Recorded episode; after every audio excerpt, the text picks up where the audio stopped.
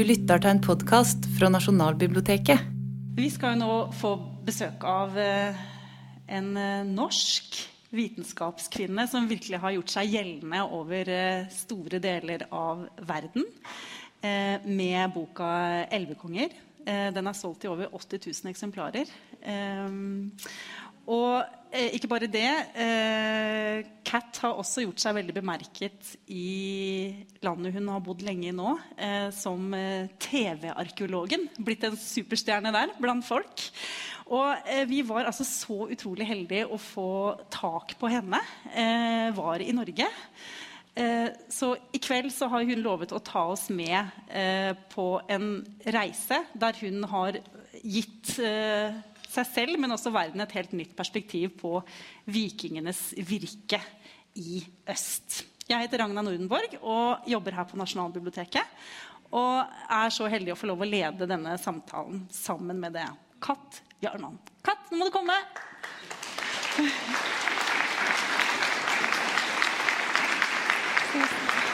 Søk deg nærmere.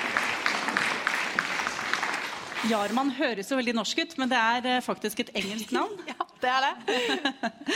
Hva var det pikenavnet ditt, som jo det heter på gammelt? Det var Li. Ja, det var det. Men nå har du blitt uh, Jarman. Jarman. Det var litt enklere enn den norske som blir Lai på engelsk. Så var det litt, litt greier i utlandet. Du, eh, du sa faktisk at du har vært så lenge i England nå, selv om du er ofte hjemme hos familien din. Uh, at du nesten grudde deg litt til å snakke på norsk her i dag? Ja, det blir litt sånn språkforvirring, for nå har jeg faktisk bodd lenger i England enn i Norge. Så det er lite fagspråk, går jo bare på engelsk. Mm. Så dette er faktisk første gangen jeg ja, har denne samtalen på, på norsk. Mm. Så vi får se hvordan det går.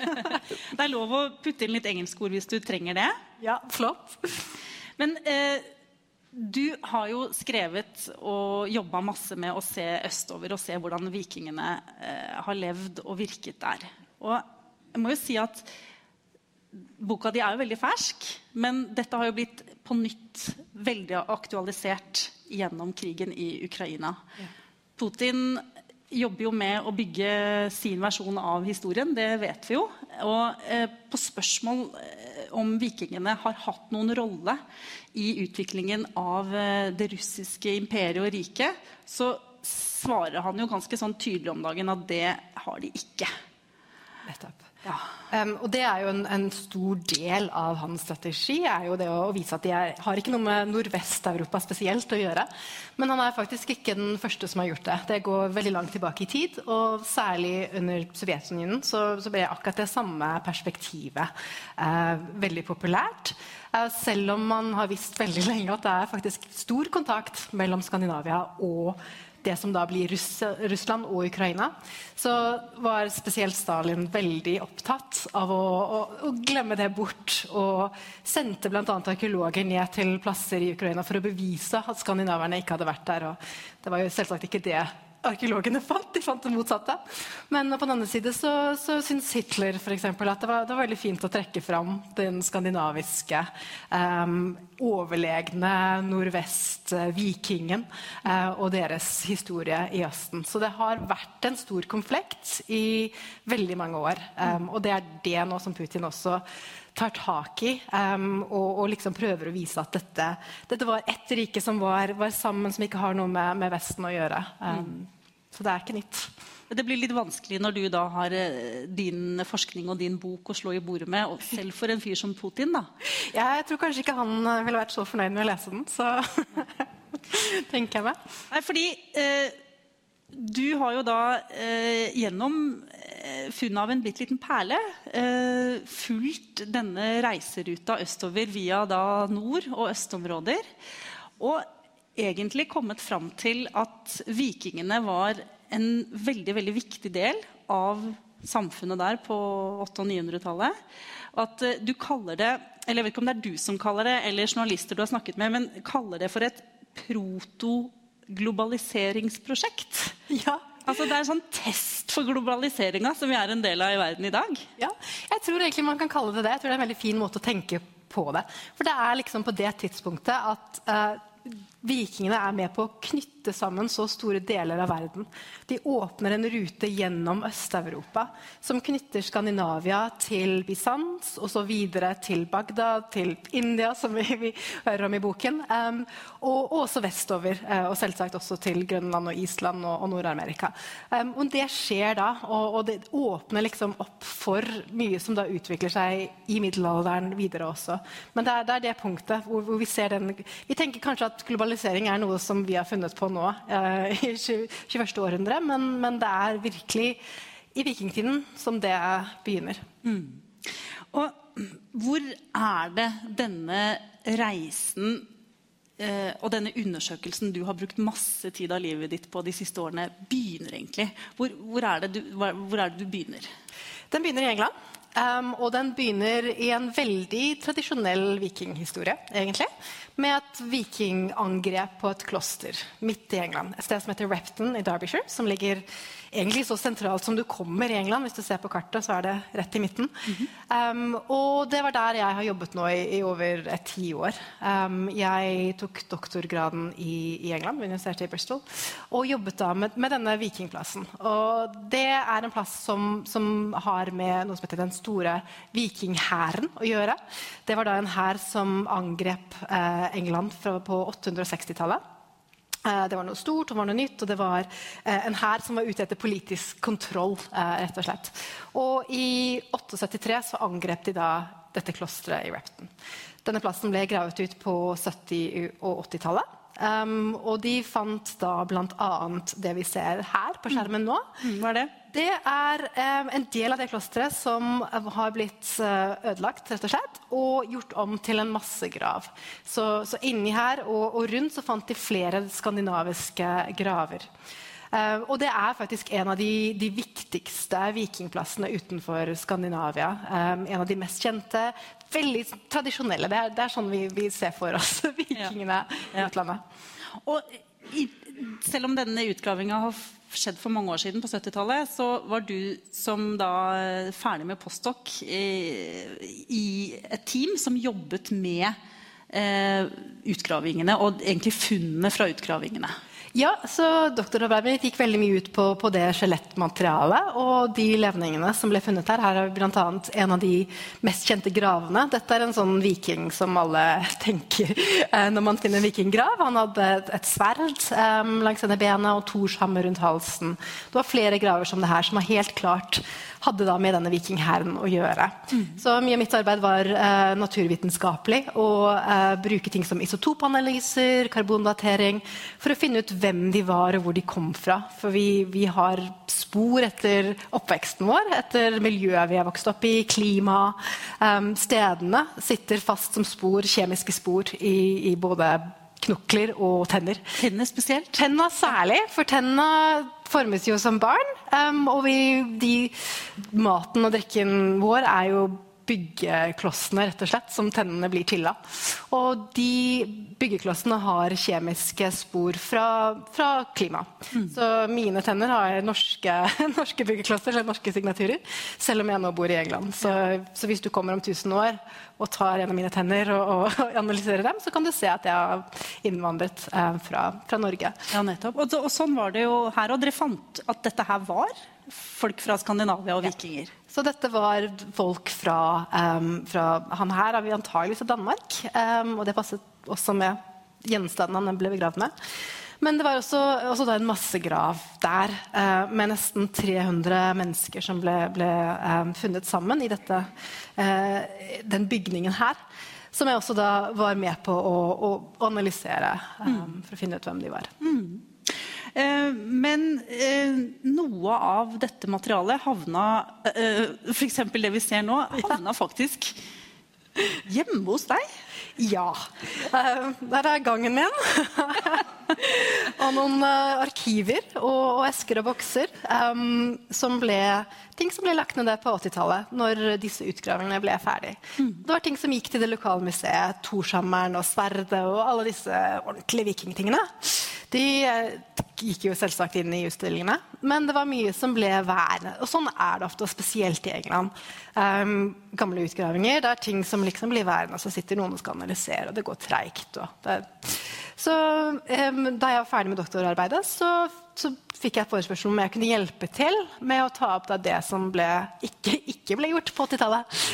og, og sa ja, klart. Um, så jeg fikk, fikk denne haugen med, med, esker og bokser. Um, litt sånn leftovers? Det var litt sånn leftovers. Det var det som ikke var helt interessant nok til å være i en monter på, på museet. Mm. Um, så jeg tenkte meg vel egentlig for at det skulle bare være gamle spikere og ja, litt sånne trefliser.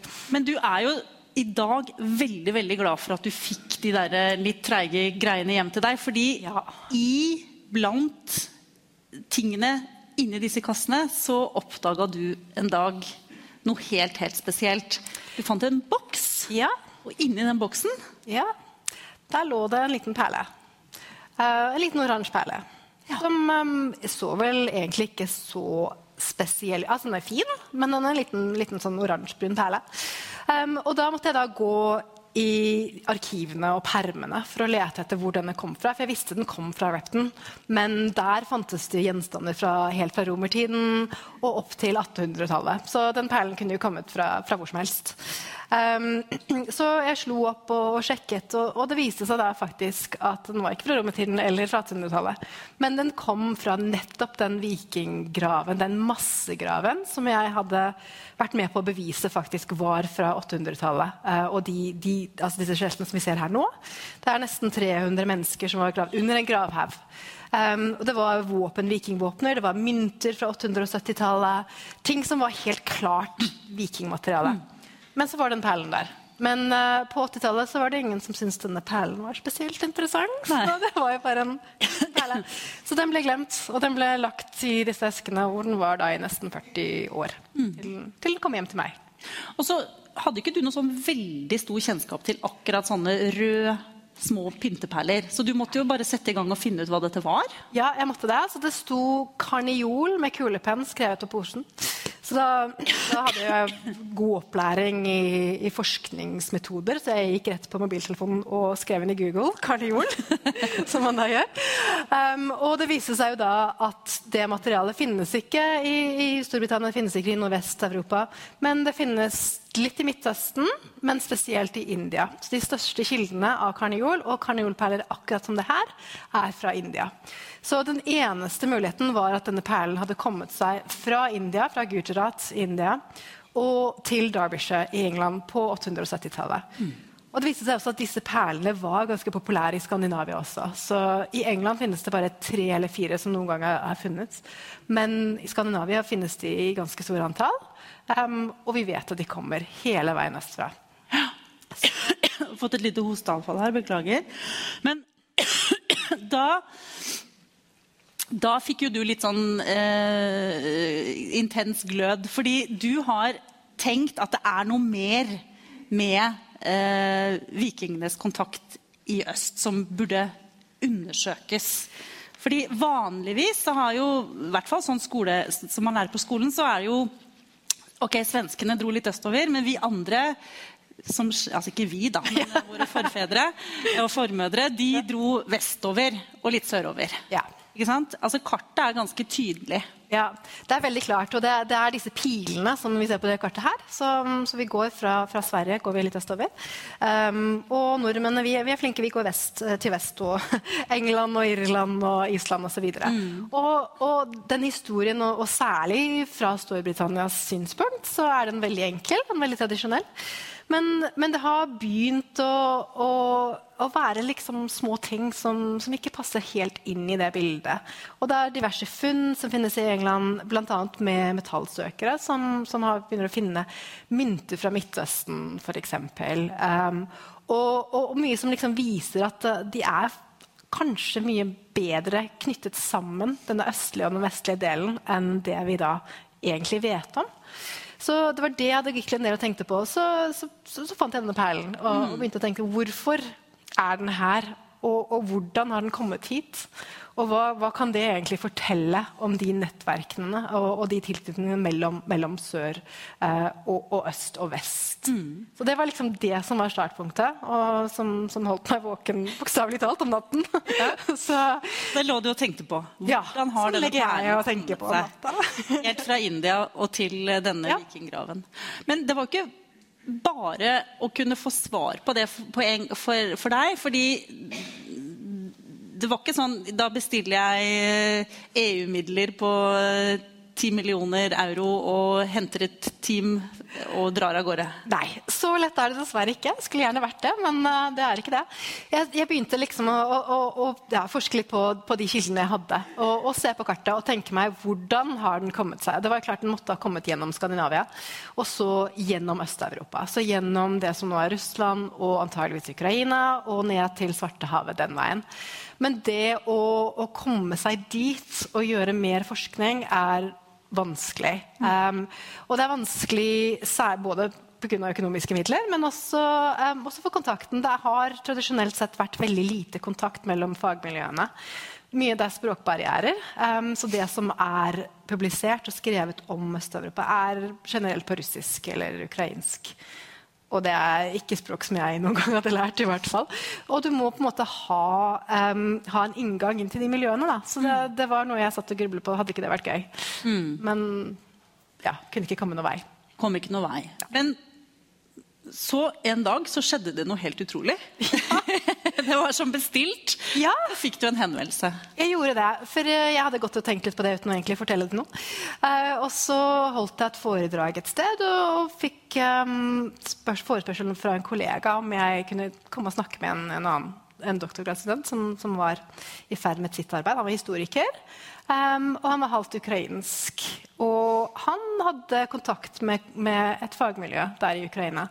Um, han gjerne, han hadde noen midler, til og med, økonomiske midler, og han ville veldig gjerne uh, få i gang en liten utgraving.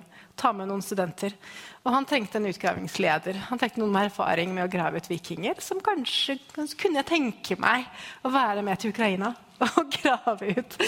Og det var jo svaret ganske enkelt, rett og slett. Så da, da fikk jeg den tilknytningen med en gang. Og tolk og allting ja, med på kjøpet. Og så var det egentlig bare å pakke, pakke sakene og reise av gårde da til Ukraina. Ja. Hvor var det du reiste til da?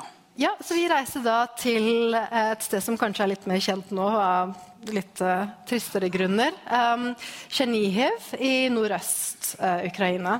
Um, og selve den plassen ligger et lite stykke unna, så i, i skogen, rett og slett ute i, midt ute i, i, naturen. Um, så, så vi reiste dit med et lite team på en um, seks-syv stykker. For der hadde disse kollegene våre eh, drevet med utgravinger i, i flere år. De hadde nemlig funnet eh, en plass som vi ser her, som heter Vipovsiv. Um, det er nå en plass som ligger ved en, en liten elv som, som, kommer fra en større elv som heter Desna, som går ned i Dniperelven, som går ned til Svartehavet. Og denne, Det er som en tunge eller en liten halvøy, eller hva man skal kalle det. Uh, og du ser på det bildet her, ganske fint, på det flyflot, eller dronefoto faktisk, um, hvor elven en gang har gått. Så det var, En gang så var det en, et sånn ganske høyt område uh, ved elven. Um, og det de har funnet der, var både en bosetning, men også en, uh, et festningsverk helt ute på tuppen der. Uh, og så oppe der er det en høyde med en festning eller en borg, eller hva man skal kalle det, som, som, som klart var bygget opp. Og den rollen de hadde, var da å, å kontrollere um, alt som går langs elven. Så du, vi ser bildet her, ser du en av utgravingene fra, fra det første året der. Så ser liksom at du, ser, du har god utsikt over området og god utsikt over elven. Og der fikk dere altså lov å bli en del av da, et stort team. Um, her har du vært så grei å ta med et bilde av liksom, eh, mange av de som er med. Ja. Du har fått en fin plassering i front der. ja, så det var én stol, så jeg fikk sitte som dronningen av eh, ekspedisjonen midt på. Det, er veldig, det var sånn fint hierarki der. Men um, dette er studentene, så det er både mine studenter som jeg hadde med meg fra, fra Nottingham i England, um, og de ukrainske studentene. Så vi hadde dobbelt, dobbelt team uh, av alle sammen. Um, og det var veldig så utrolig hyggelig. Og syns, de syntes det var veldig stor stas å ha, uh, ha oss med. Så der fikk vi da vår egen del av utgravingen, i tillegg til det de har holdt på med. Og Hva var liksom deres spesifikke rolle, den delen dere skulle ta? Så vi skulle da se på bosetningen. Så, så den, det, den, festningen oppe på bakketoppen hadde allerede blitt eh, var godt i gang. Og da hadde de funnet da elitemateriale, militært materiale, og, og liksom det som da mye som hadde tilknytning til Skandinavia, antageligvis. Og vi skulle da se mer på boplassen. Så her har vi det vi holder på med her, er å grave ut det som viste seg å være et hus, en bygning. Det var det veldig mange av. Um, så, så, disse plassene de, de har gjerne en, en eliteavdeling, holdt jeg på å si, og så har du da boplassen til de som bodde der. Og det er antageligvis lokalbefolkningen, og de bidrar liksom med, med alt som trengs. Så det kan være keramikk, matproduksjon, også metallproduksjon. Um, det er mange båter som ferdes opp og ned, som da skal opp mellom Skandinavia og, og ned til Svartehavet. Så det er um, nagler f.eks. fra skipene, um, produksjon av tjære. Alt som trenges for å reparere og fikse båtene. Så det er det vi drar ut materiale etter materiale um, fra disse grøftene. Og her ser vi også uh, hva dere gjorde når dere tok små avbrekk fra, fra gravingen. Ja. Eh, sosialt. Eh, men man må sitte og sortere, da. Ja, det er mye arbeid. Det er graving om dagen, og så er det analyse. for Alt må analyseres på stedet. Og vi har snakket om tusenvis av gjenstander. Så her sitter vi og analyserer. Um, det var litt morsomt òg, da, innimellom. men, uh, men, det er jo, alt må liksom sorteres og dateres. Keramikk spesielt brukes da til å dateres. Så, så på den måten så kunne vi finne ut av at uh, den keramikken vi finner her, dateres til uh, 900-tallet. Mm. Og særlig da slutten av 900-tallet. Så, så vi da kan få den konteksten og skjønne hvor vi er, og når vi er, og, og hvem det er som faktisk er her. Mm. Og hvordan er det dere, er det dere da eh, det Her ser vi jo liksom hvordan dere jobber. Men hva slags ting var det dere fant, egentlig? Som, eh, som var av interesse for deg? Som var opptatt av å ja, Du var jo opptatt av på jakt etter perlen, ja. men den er ikke her. Nei. Hva er dere har der? Her er det mest keramikk. Og det er mye dyreben, som stort sett til mat. Matavfall. Det er søppelhauger, rett og slett. Um, men her har vi en kniv. Det er da man blir veldig fornøyd når man finner uh, metallgjenstander som det her. Um, og, det er rett og slett avfallet til husene. Her, det, det, huset ble faktisk også brent ned. Vi vet det var en del uh, branner, antageligvis etter konflikter. Um, så det er også det som bevarer da, uh, materialet. Så, så, vi finner sånne typen ting. Um, vi fant også det er noe av det, det, det, som var mest spennende, var uh, Dette er en, en mynt fra um, en islamsk mynt, en dirham-mynt.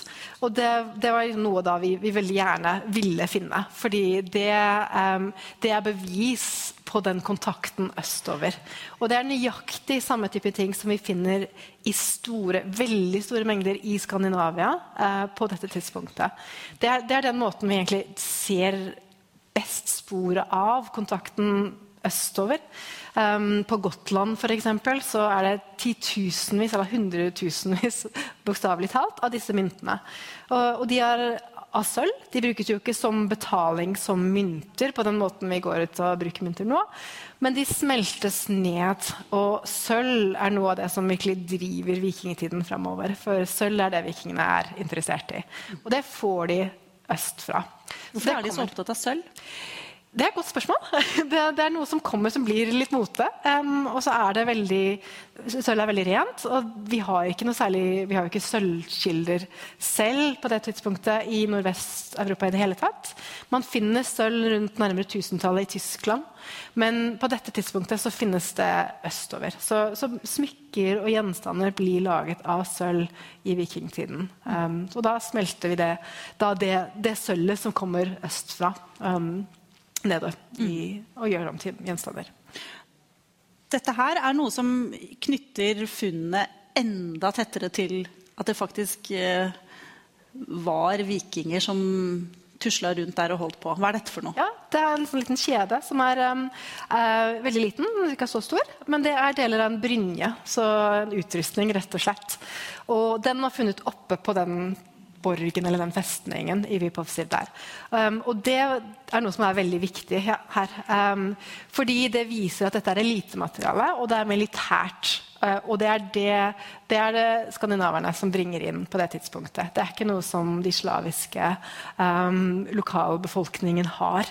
Det er det som kommer uh, gjennom den kontakten med Skandinavia. Mm.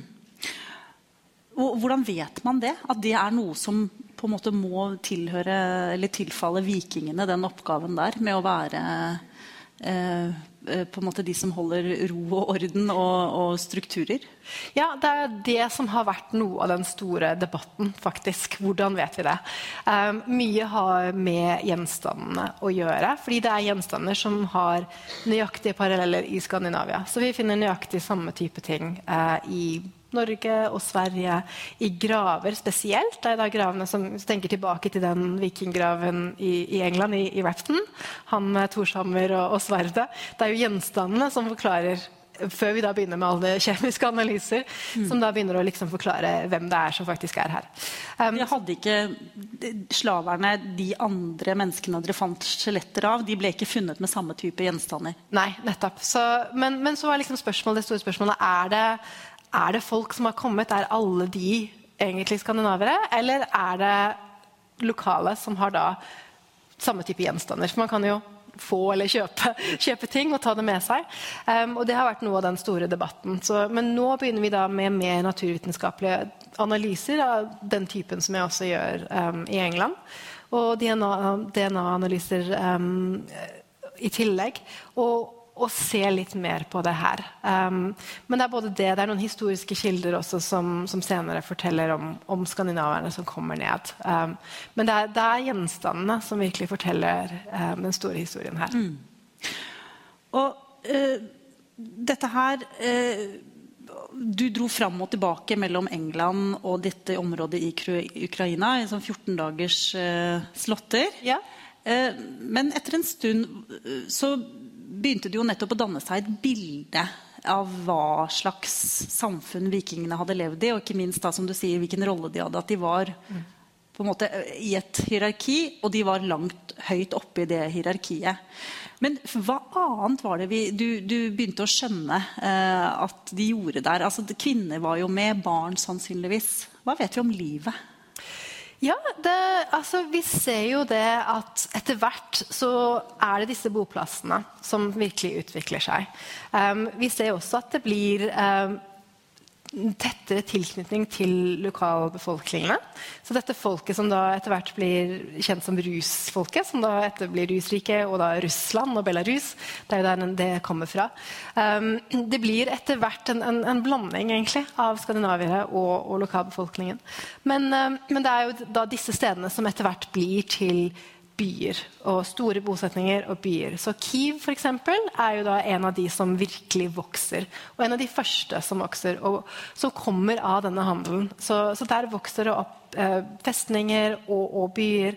Og de har kontroll over handelen som går mellom ja, det blir da nord og sør spesielt. Så eh, Konstantinopel, eller Miklagård, som den heter i norrøne kildene, eh, er jo da særlig et av de stedene. Um, så vi har folk, og vi, Hvis vi går tilbake og ser på det arkeologiske materialet, så ser vi jo faktisk at det er ikke bare disse krigerne. Det er også handelsfolk. Så mye av det har jo med gjenstander som, som, og handel som går nord og, og sør.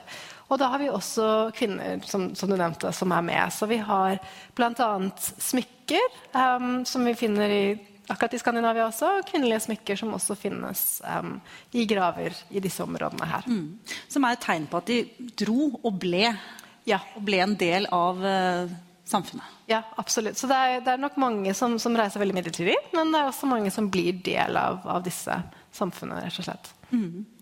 Og så er det jo dette med at dette er jo elveområder. Eh, og hva finner dere ut om hvordan bevegelsene må ha vært for vikingene som var der? Ja, så Elvene er jo helt sentrale. Der tittelen til boken kommer fra.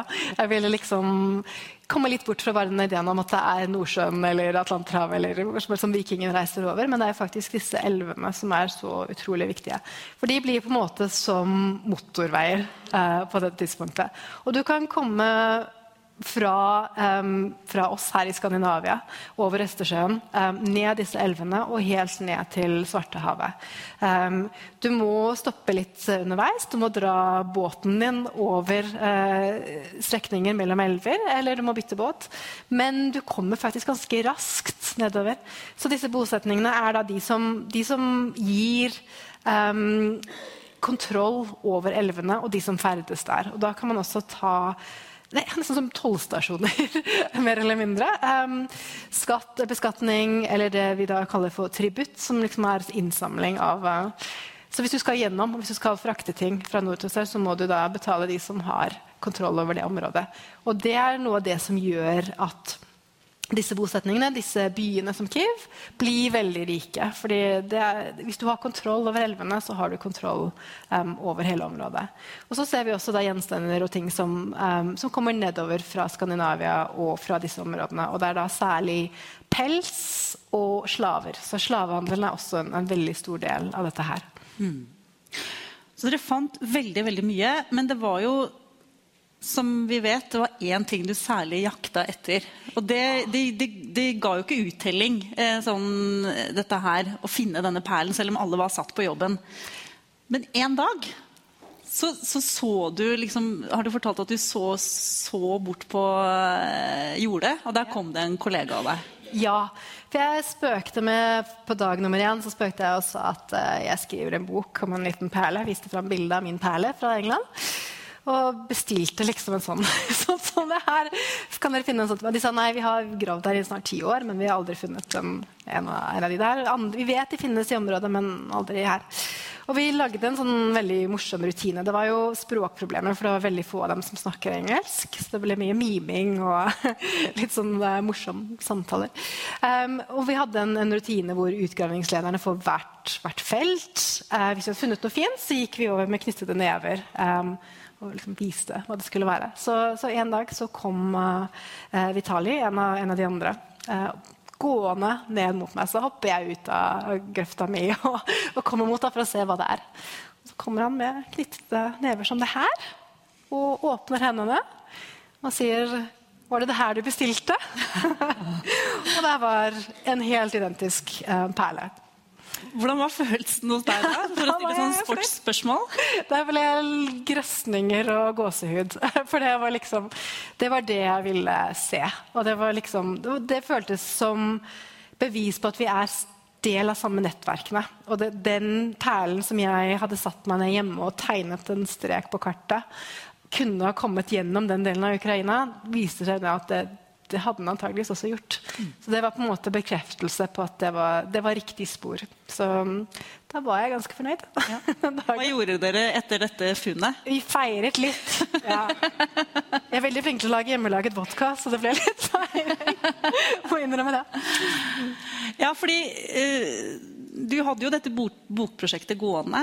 Eh, så det passa jo bra i dramaturgien også, at eh, det klaffa. At ja. det fant en perle der. Ja. Men, men, det er jo mer alvorlig enn som så. For hva er det du på en måte kunne da fortelle verden etter at den perlen der kom deg i hende?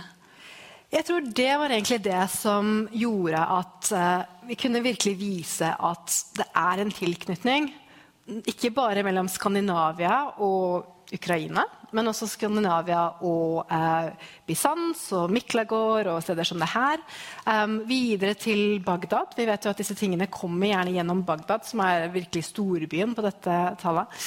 Um, og, og, videre fra India. Og, og det vikingene gjør, som de gjør så bra, det er at de de, ja, den globaliseringen som vi snakket, med, um, snakket om helt i begynnelsen, de, uh, de finner liksom en måte å, å ta um, å, ta, ta, seg inn på det vi da kaller silkeveiene.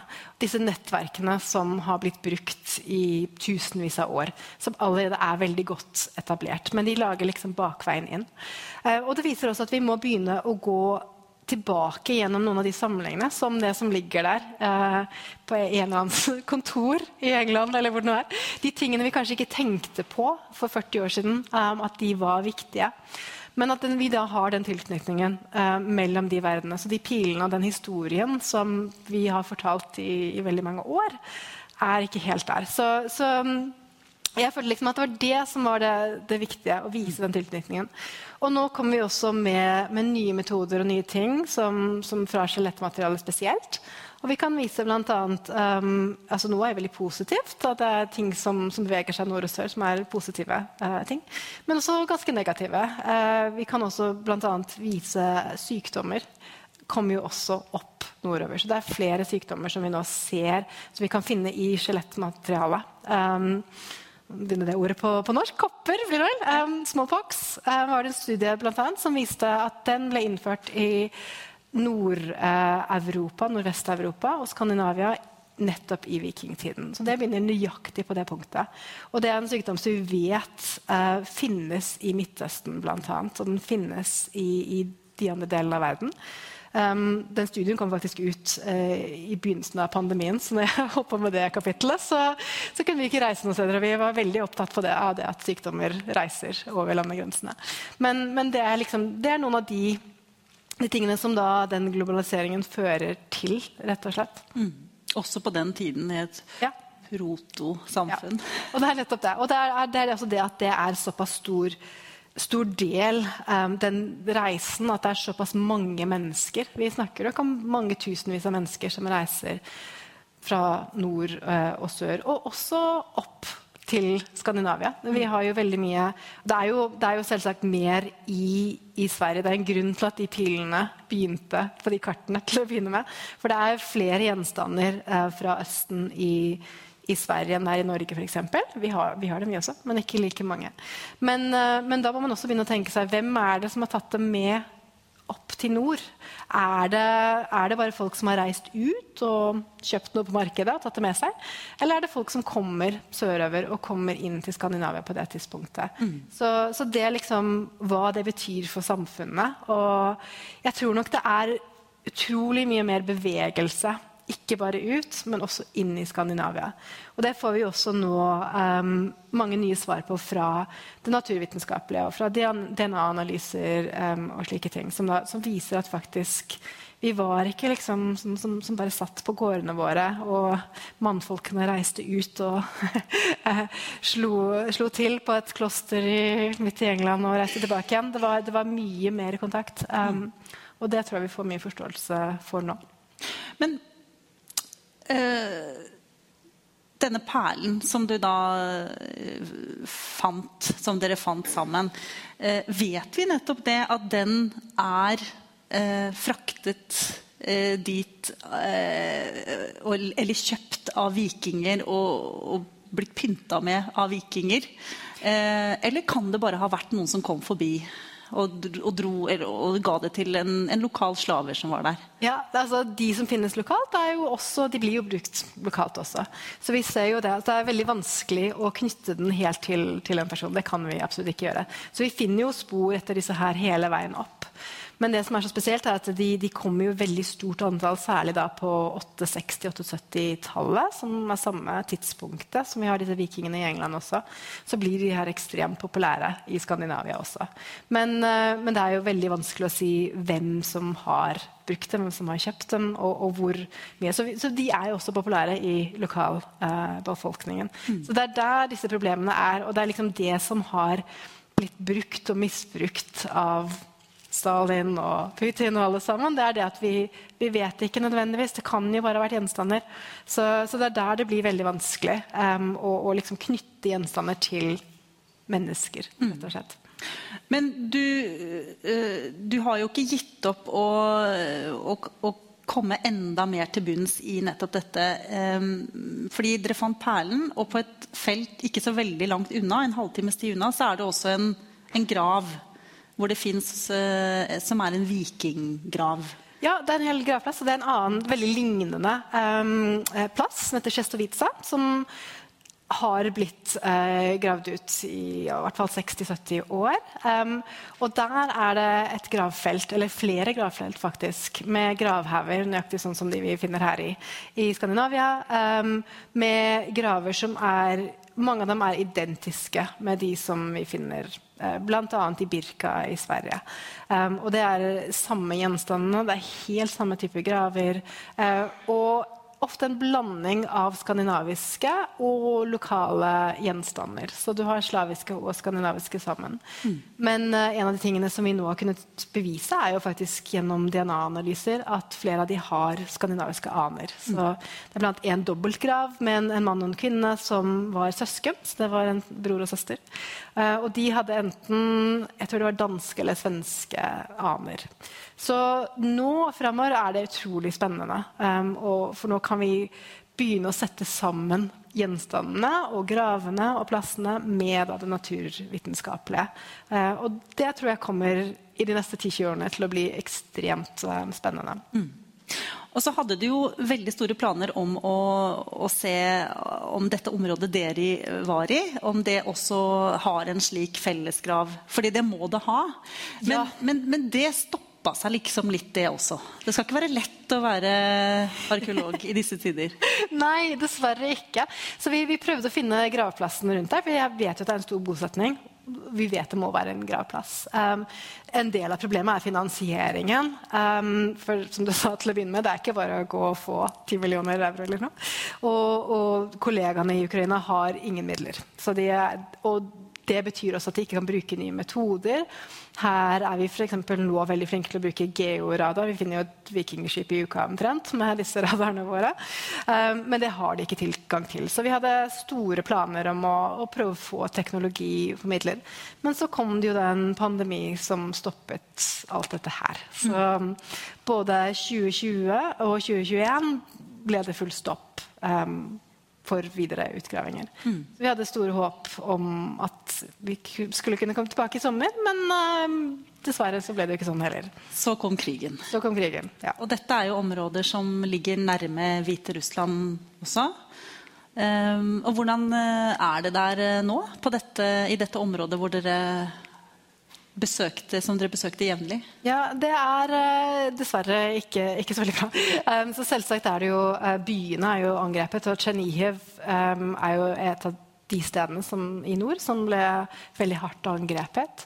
Men også disse områdene Jeg trodde først de var trygge, for det var ute i skogen. og det, var jo ikke, det er jo ingen som bor der. Men det viste seg også at, at disse, um, disse, stedene var også brukt som russiske leir, um, rett og slett. Så man sitter liksom og følger da med på kollegaer. Ja, her er Sjestovica, hvor vi da har utgravd, og her har vi da tankser og um, vi vet ikke hvilken skade som er gjort. Heldigvis er området nå tilbake um, i ukrainsk kontroll. Men uh, ødeleggelsene er antageligvis veldig store. Um, vi ser også ting som skyttergraver som er gravd rett uh, her er vi i jorda. Her vet vi det er grav, gravhauger og fullt av arkeologisk materiale som ligger overalt. Og, og så har vi da disse uh, skyttergravene som er gravet inn. Um, så, så hvor mye skade som har blitt på disse områdene. Det er veldig vanskelig å si. Og vi kan jo bare håpe at vi kan komme tilbake, og at, um, og at det ikke er landminer og eksplosive materialer som, som ligger igjen. Mm. Så det, det, er veldig trist. Uh, det er jo ikke selvsagt menneskeliv. og um, heldigvis hvert fall alle de kollegene jeg uh, har jobbet med, er så langt trygge. i hvert fall, Og museene også um, har så langt klart seg. Men etter det så er det jo resten også. Så det, det, tar nok litt tid før vi kan komme tilbake. Mm. Men nå har jo, som vi var inne på, nå har jo denne eh, tematikken blitt veldig aktuell. Eh, igjen dessverre da, pga. krigen. Men er det noe som helst positivt man kan da få ut av eh, situasjonen som er nå?